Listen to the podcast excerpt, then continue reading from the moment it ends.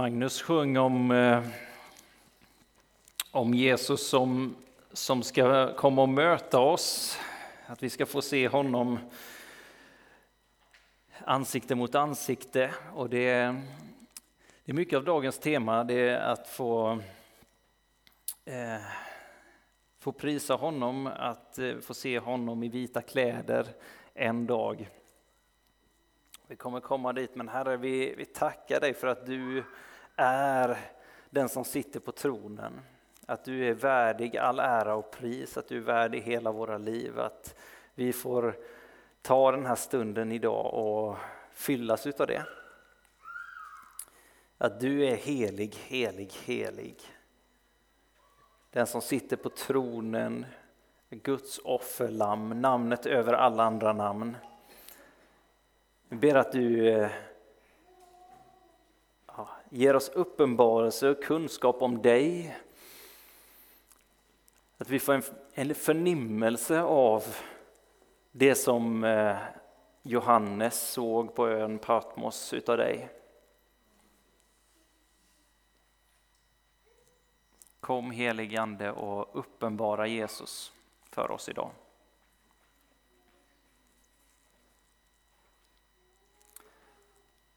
Vi ber i Faderns, Sonens och den helige Andes namn. Amen.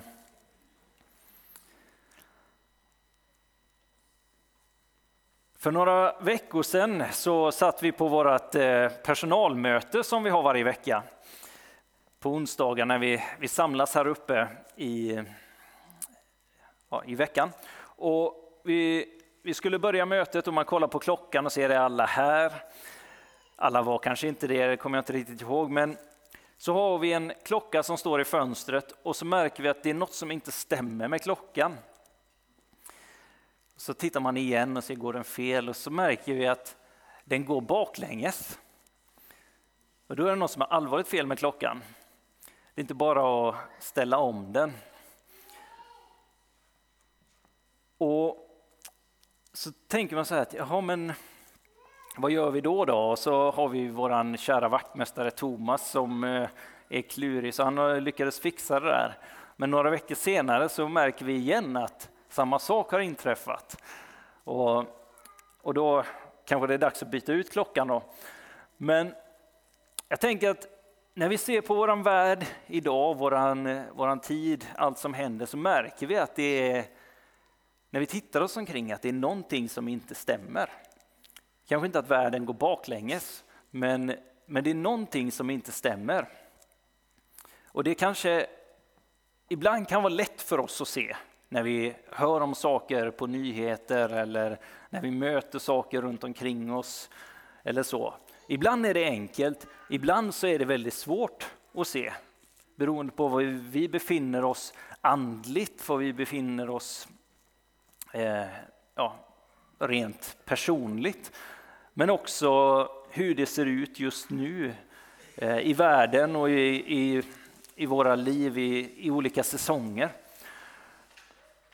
Men det är också Guds tilltal från oss och det är vad vi har talat om i den här serien också, att vi från och till att Guds berättelse är en annan berättelse än vad den här, den här världen berättar om. Att den här världen har en, går på ett annat håll än vad, vad Guds berättelse gör. Att han bjuder in oss att leva utifrån någonting annat, att förankra oss i någonting annat.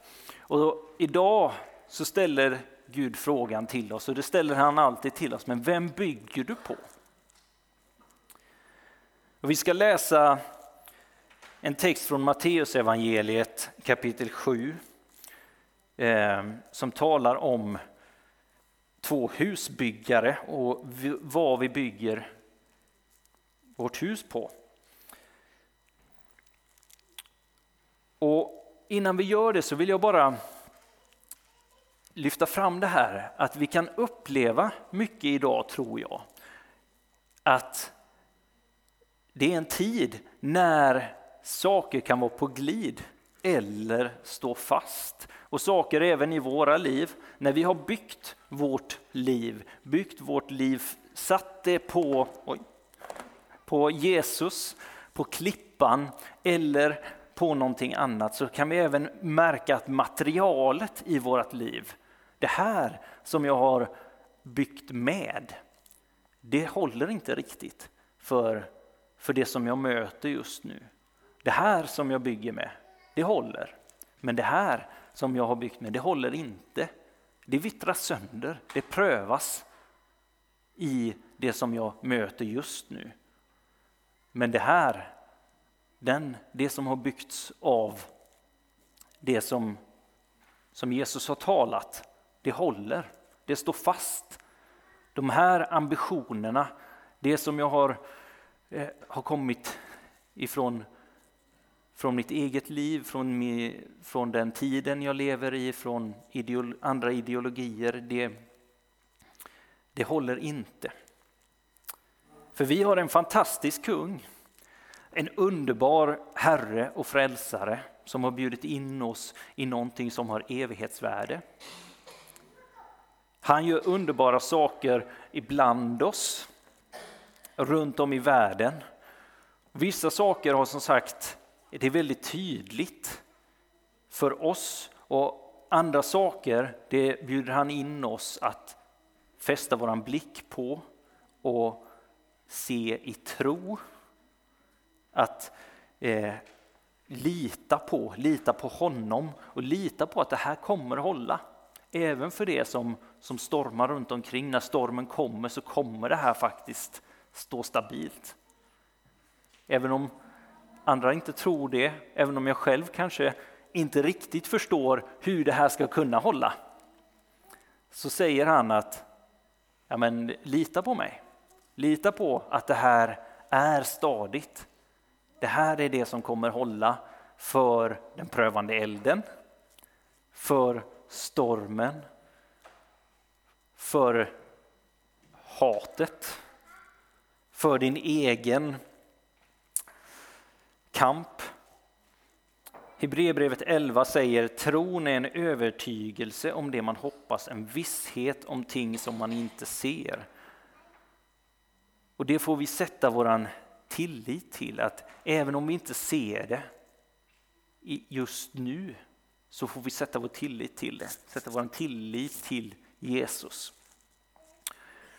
Och Romarbrevet 4.17 talar om att det handlar också om att samverka med honom, han som är evigheten, han som är det som man inte ser, att, att Gud kallar på det som inte är till som om det var till. Och att det är det som vi får göra. Att vi får med honom, i tro på honom, när vi faktiskt inte ser det som han har talat om, det som han har lovat, det som vi upplever att han beskriver för oss i vårt sammanhang, i mitt liv, i den här tiden eller i det som ska komma. I den kommande tidsåldern så får vi hålla fast vid det, förankra oss i det och tala om det, be om det, kämpa med honom om det och faktiskt gå in i bönekamp med honom och säga det är det här du har lovat. Det är det här som är dina löften. Och jag får tala det till mig själv och säga det är det här, det är det här, den här som Gud är. Det är det här som han har sagt, det är det här som Bibeln talar om. Det är det här som är faktiskt uttryckt. Och innan vi går in och läser texten nu så vill jag bara säga att det är, det är Jesus som vi bygger på och det är, det är hans ord som vi får stå på. Jag vill bjuda in er att under nästa år så kommer vi, finns en inbjudan att tillsammans som församling läsa igenom Bibeln under ett år. Så vi har tryckt upp en eh, bibelläsningsplan där man läser igenom hela Bibeln under ett år. Där vi läser samma texter då som, som församling under ett år. Så den här kommer ligga här ute, inte idag men under kommande veckor så kommer också ligga på hemsidan och så. Så ta gärna med en sån och om du vill så får du vara med och läsa Bibeln tillsammans under ett år. Men vi, nu läser vi texten Matteus 7, 24 och framåt. Den som hör dessa mina ord och handlar efter dem liknar alltså en klok man som byggde sitt hus på klippan. Regnet öste ner, floden kom och vindarna blåste och kastade sig mot huset. Men det föll inte, för det var grundat på klippan. Men den som hör dessa mina ord och inte handlar efter dem, han liknar en dåre som byggde sitt hus på sanden. Regnet öste ner, floden kom och vindarna blåste och slog mot det huset och det föll samman och dess fall var stort. Nej, förlåt, nu läste jag, höll jag på att börja läsa nästa veckas text också. Eh, men eh, så lyder det heliga evangeliet. Lovad vare du Kristus. Amen. Yes. Man får inte tjuvstarta på nästa vecka innan vi faktiskt är där. Även om det är en fantastisk text. Idag tror jag faktiskt Gud, som vi redan har varit inne på, han bjuder in oss att bygga våra liv på honom som är den fasta klippan och att förankra oss i evigheten.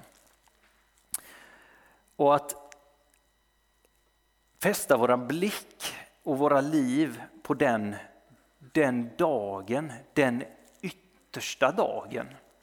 Den dagen när vi ska få stå ansikte mot ansikte med Jesus Kristus. Som vi sjunger om här. Han kommer åter klädd i vitt. Och vi ska få möta honom. Vi ska få möta honom strålande i makt och härlighet stå inför honom och se honom. Och han kommer titta på oss med brinnande ögon. Och i den stunden så kommer faktiskt boken om våra liv öppnas inför honom. Ditt liv och mitt liv kommer öppnas och vi kommer få se det inför honom. Föreställ er den dagen när Jesus kommer tillbaka med himlens härskaror. Vi får möta honom. Du utifrån din relation med honom, utifrån att han har tvättat dig i blodet. Och att han i all sin makt och härlighet låter oss få komma fram till honom. Det finns en evighet som innehåller liv och glädje tillsammans med Jesus. Och vi lever här kanske 70-80 år, något sånt. Men så talar Jesus också tydligt om att evigheten är en evighet, men när vi kommer dit så kommer våra liv att prövas. De här åren här, tiden här, det kommer prövas, det kommer öppnas, det kommer ransakas inför honom. Och vi har ju glädjen att veta att har vi tagit emot honom, har vi bekänt honom som Herre, har vi klivit in i relationen med honom, som är nåden av tron i honom, så har vi gemenskapen med honom så har vi livet tillsammans med honom. Jesus är vägen, sanningen och livet och det finns ingen väg som leder till Fadern utan genom, genom honom. Men det finns också, egentligen ska man inte säga något men efter där, utan där är det amen. Amen. Men nu säger jag men ändå. Han talar också väldigt mycket, talar Jesus, om att leva och samla våra skatter i himlen. Att fästa våran blick på och placera vår, ja, vårt hopp, vår tro, vår belöning i himlen. Att vi lever inte för nuet, vi lever inte för njutningen nu, vår, vårt välbehag nu, utan han kommer belöna oss i himlen. Han kommer se till att ja, vår tillfredsställelse kommer i himlen och därför så ger han oss också kraft i honom att försaka saker och ting nu. Att lägga saker åt sidan nu, att gå hans väg. Som Jesus säger här i den här texten. Den som hör dessa mina ord och handlar efter dem liknar alltså en klok man som byggde sitt hus på klippan. Vi får ta emot Jesus och kliva från en position till en annan, ställa oss på klippan. Men så handlar det hela tiden om att höra hans ord och handla på det. Handla på det, lägga sten på sten på sten och fortsätta bygga. Andra Korintierbrevet 5, 9-10 säger därför sätter vi en ära i att vara till behag för honom, vare sig vi är hemma eller borta. Vi måste alla träda fram inför Kristi domstol för att var, var och en ska få igen vad han har gjort här i livet, gott eller ont. Och Det är Paulus som skriver. Och han skriver ju precis det här att vi alla ska kliva fram inför Jesus på den dagen, inför hans domstol. Jesus har en domstol. Och för vissa så kommer det innebära ett, en framtid, en evighet utan Gud, utan hans liv, utan hans närvaro. Förtappelse. För, för andra kommer det innebära liv med honom. Men inte bara det, utan det kommer innebära en belöning, olika typer av belöning för hur, hur vi har förvaltat de mynten som vi har fått av honom. Så att leva med blicken fäst på att vi en dag kommer stå inför Jesus. Och vilken glädje det är att få ha vårt hopp förankrat i att en dag ska vi vara där. En dag ska vi faktiskt se allt det som vi har gjort.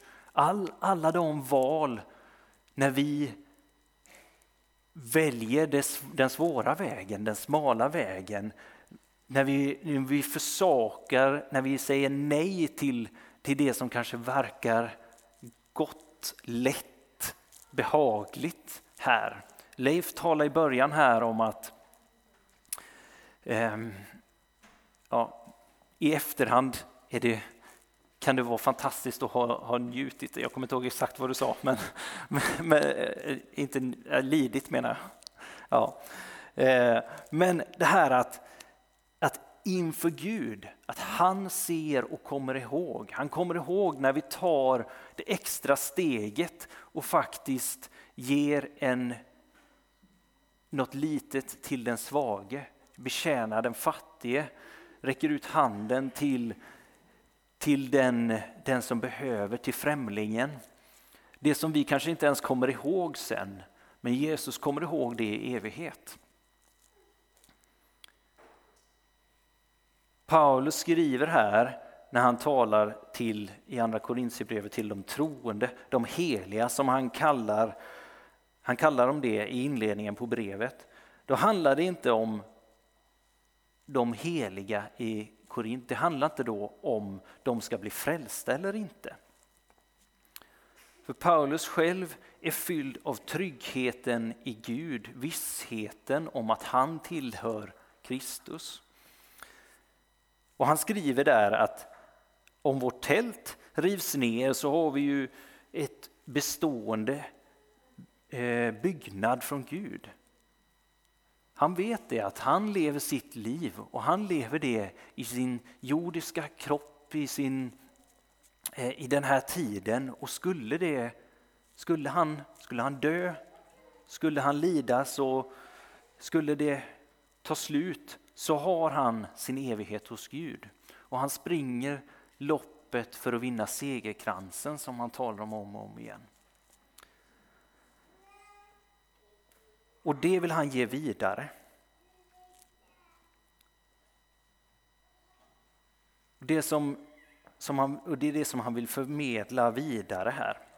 Att sätta en ära i att vara Gud till behag i alla situationer och i alla val.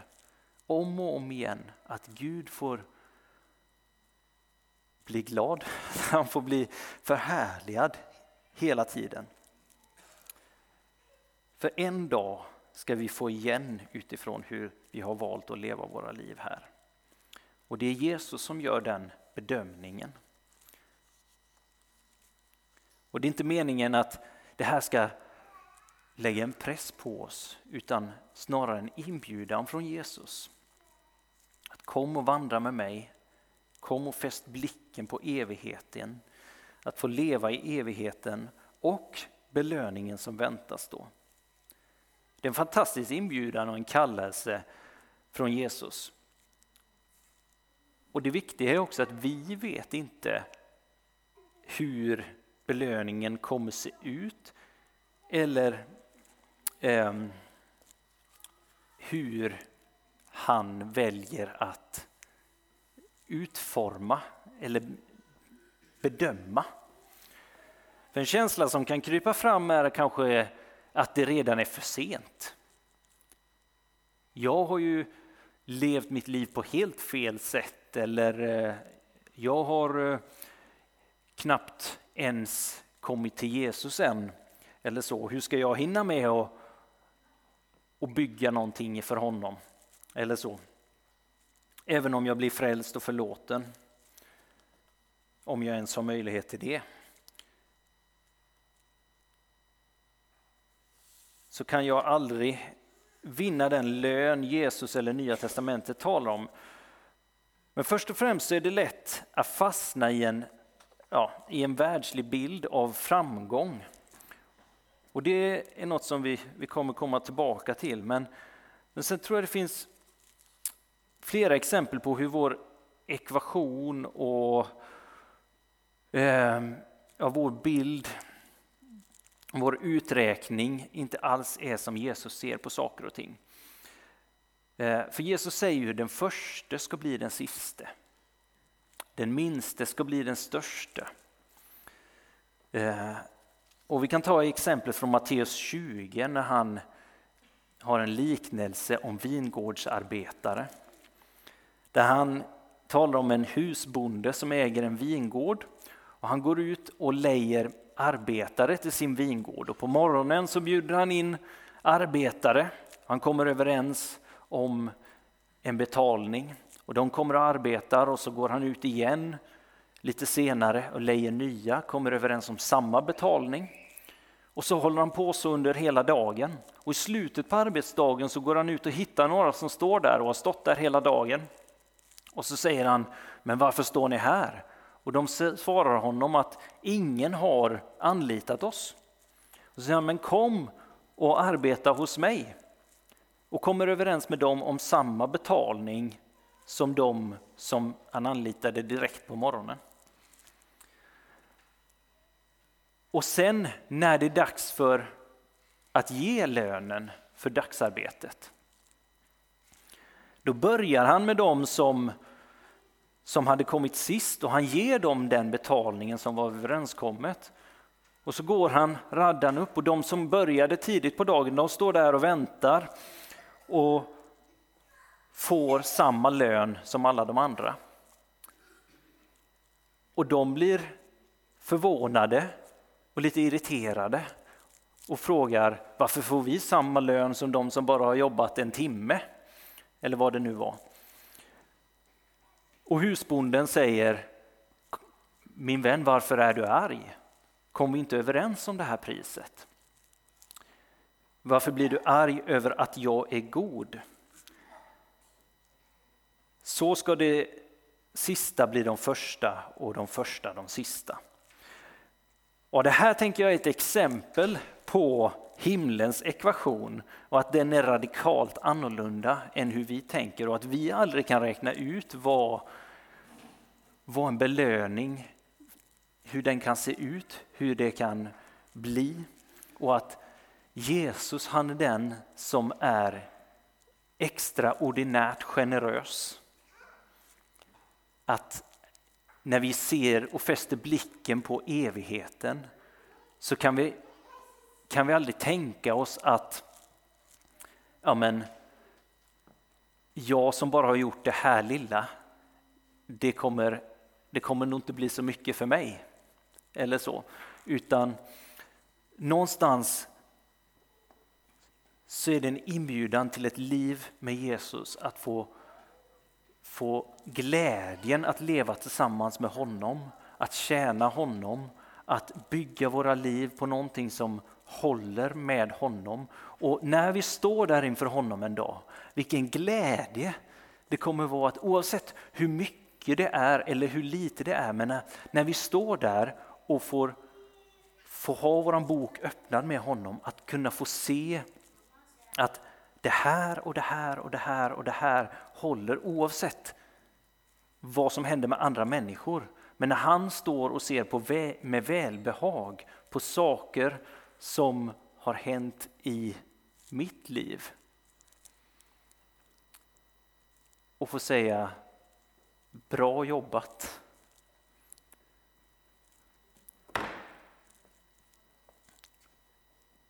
Kom in i, och det, det är ingenting som jag kan göra som, som förtjänar min plats i evigheten. Men, men när, när han ser på, på mitt liv och ser på mig och ser att, i, att jag har fått följa honom. För det, det är också det som det handlar om. Att, att det enda vi kan göra för att bygga vårt liv på klippan, att bygga det som håller, att göra hans rikes gärningar, att, att leva det livet han kallar oss för att göra, det kan vi bara göra i hans kraft.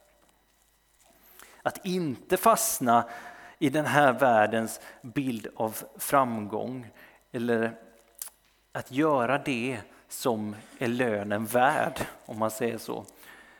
Eh, det, det är att böja oss, korsfästa oss själva, ta emot Jesu nåd, Jesu kraft. Att som Johannes 5.19 säger, där Jesus säger sonen kan bara göra det han ser fadern göra. När vi, när vi gör det som är Jesu vilja, det som är Guds vilja, det som inte är min egen vilja. Jag hörde ett vittnesbörd för ett tag sedan om eh, några pastorer i Afrika. Och det berörde mig väldigt, väldigt djupt. Jag vet inte om, kommer inte ihåg vart jag hörde det, det är kanske några som har hört det här. Men, eh, men de hade kämpat länge på, på samma plats.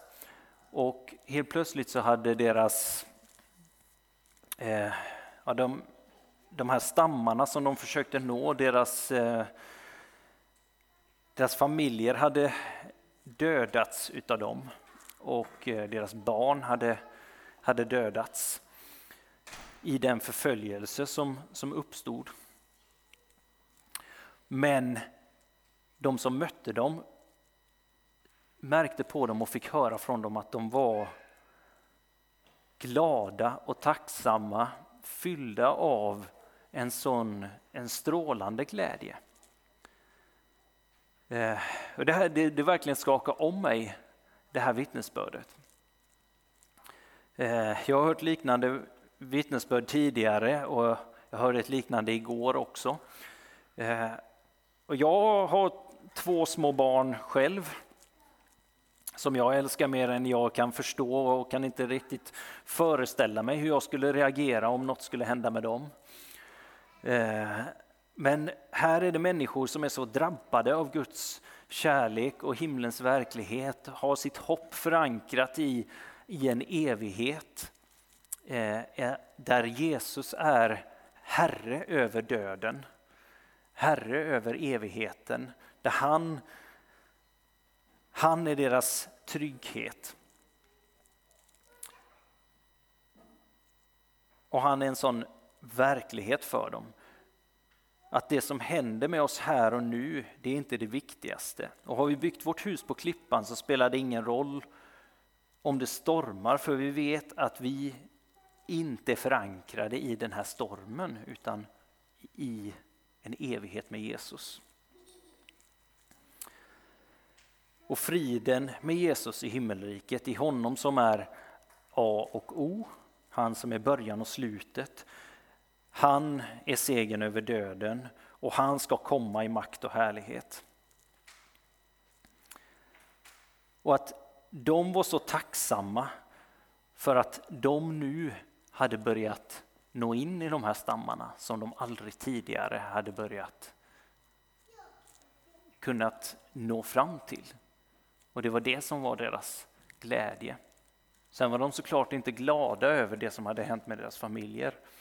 Men, men att de var fyllda av Guds glädje, Guds ja, himmelrikets doft. Och Jesus är vårt exempel att följa, han är vår, vår målbild. Eh, och ja, som sagt, han ser bara, han gör bara det han ser Fadern göra. Han lever för evigheten och för att, också för att evigheten ska bli realiserad och förverkligad, för, förkunnad och uppenbarad här och nu.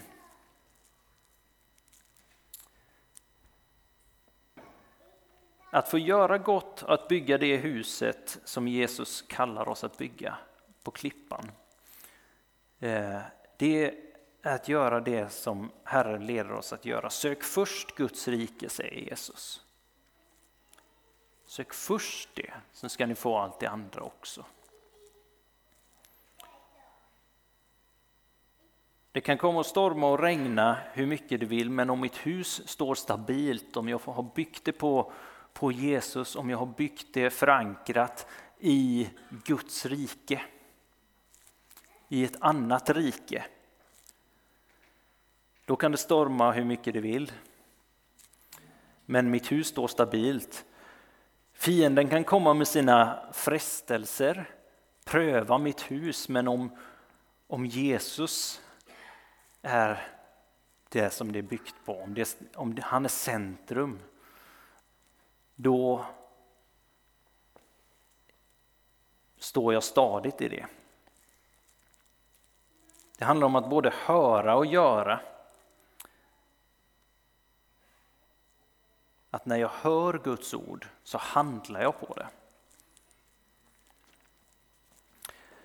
Jag tänker att vi är många som kan känna igen oss kanske i att om man har hört något som lät helt rätt eh, som vi kände igen Guds doft i. Eh, men det har känts omöjligt att applicera, att eh, kliva in i på, på mitt eget liv. Kanske en predikan eller något liknande. Eller något som träffar mig närmare. Eh, som jag berörs av, en undervisning, något jag läst i Bibeln, en bok, ett Herrens tilltal, ett vittnesbörd så vidare. Men jag börjar resonera så här, jag tar det imorgon. Något som jag tänker, det där skulle jag göra, men jag tar det imorgon. Eller jag tar det nästa vecka, eller jag ska bara göra färdigt den här grejen först. Sen kan jag, kan jag göra det. Och så blir det aldrig av att jag handlar på det. Det som Gud kanske faktiskt har talat till mig. Och Gud inbjuder dig och mig, tror jag, att be om förlåtelse för det. Kanske saker som du sitter och blir påmind om nu. Att omvända oss, att få hans nåd och hans kraft att handla på det som han har talat. Det som du vet är sant från Guds ord. Det som du vet är hans vägar men som du inte har haft villigheten orken, kraften, tiden att kliva in i. Att korrigera ditt liv för. Men Jesus talar inte utan att han också ger kraften att gå i den riktningen. För han är god, han är, han är den gode heden och när hans, han talar med sin röst så ger han också vägen att följa den rösten. Han ger kraften, han ger nåden, han ger kapaciteten till dig där du är. Även om han behöver kliva in och lägga dig på sina axlar för att gå den vägen.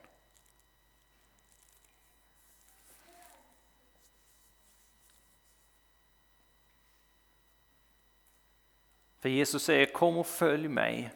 Den som vill vara min lärjunge ska varje dag ta upp sitt kors och följa mig. Den första och det största budet är du ska älska Herren din Gud av hela din själ, av hela ditt förstånd.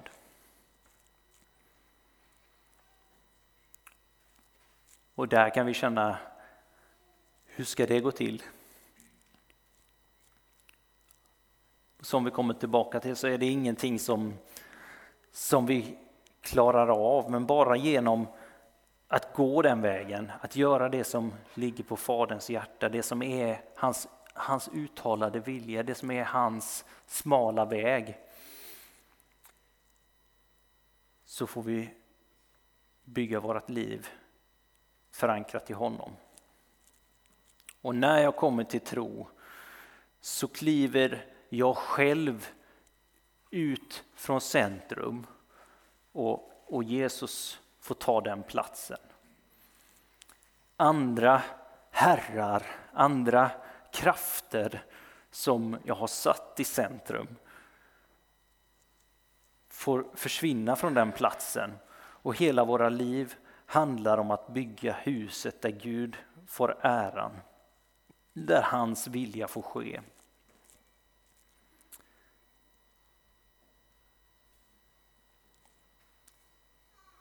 Jag tänker bara att när man gifter sig så blir det så väldigt tydligt för alla oss som har gjort det att när man står där i kyrkan, man kanske har förberett sig på det, men när man står där framme faktiskt och säger, ska svara ja på de här frågorna eller när man går fram i kyrkan eller så, eller går ut därifrån. Så blir det så här att okej, okay, nu, nu har jag på något sätt klivit ur centrum av mitt eget liv.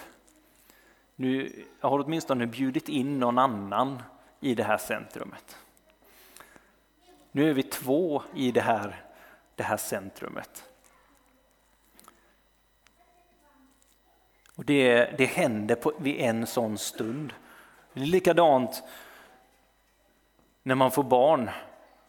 Man går, i, går in i en eh, eh, graviditetstid och sen eh, åker in till BB men helt plötsligt så är det någon där. Som så väldigt tydligt tar den platsen. Vips så tar den all tid, uppmärksamhet, kraft, all ekonomi. Och det finns inget jag kan göra åt det. Jag kan försöka fly men eh, men jag är där. Så vem bygger jag på? Vi har förmånen och möjligheten att få bygga på, på klippan Jesus. Så välkomna med att göra det. Att få vända om från, från det när vi märker att det är saker som, som skaver i våra liv som inte håller. Att vara snabba på att lägga ner det och be Gud fylla det.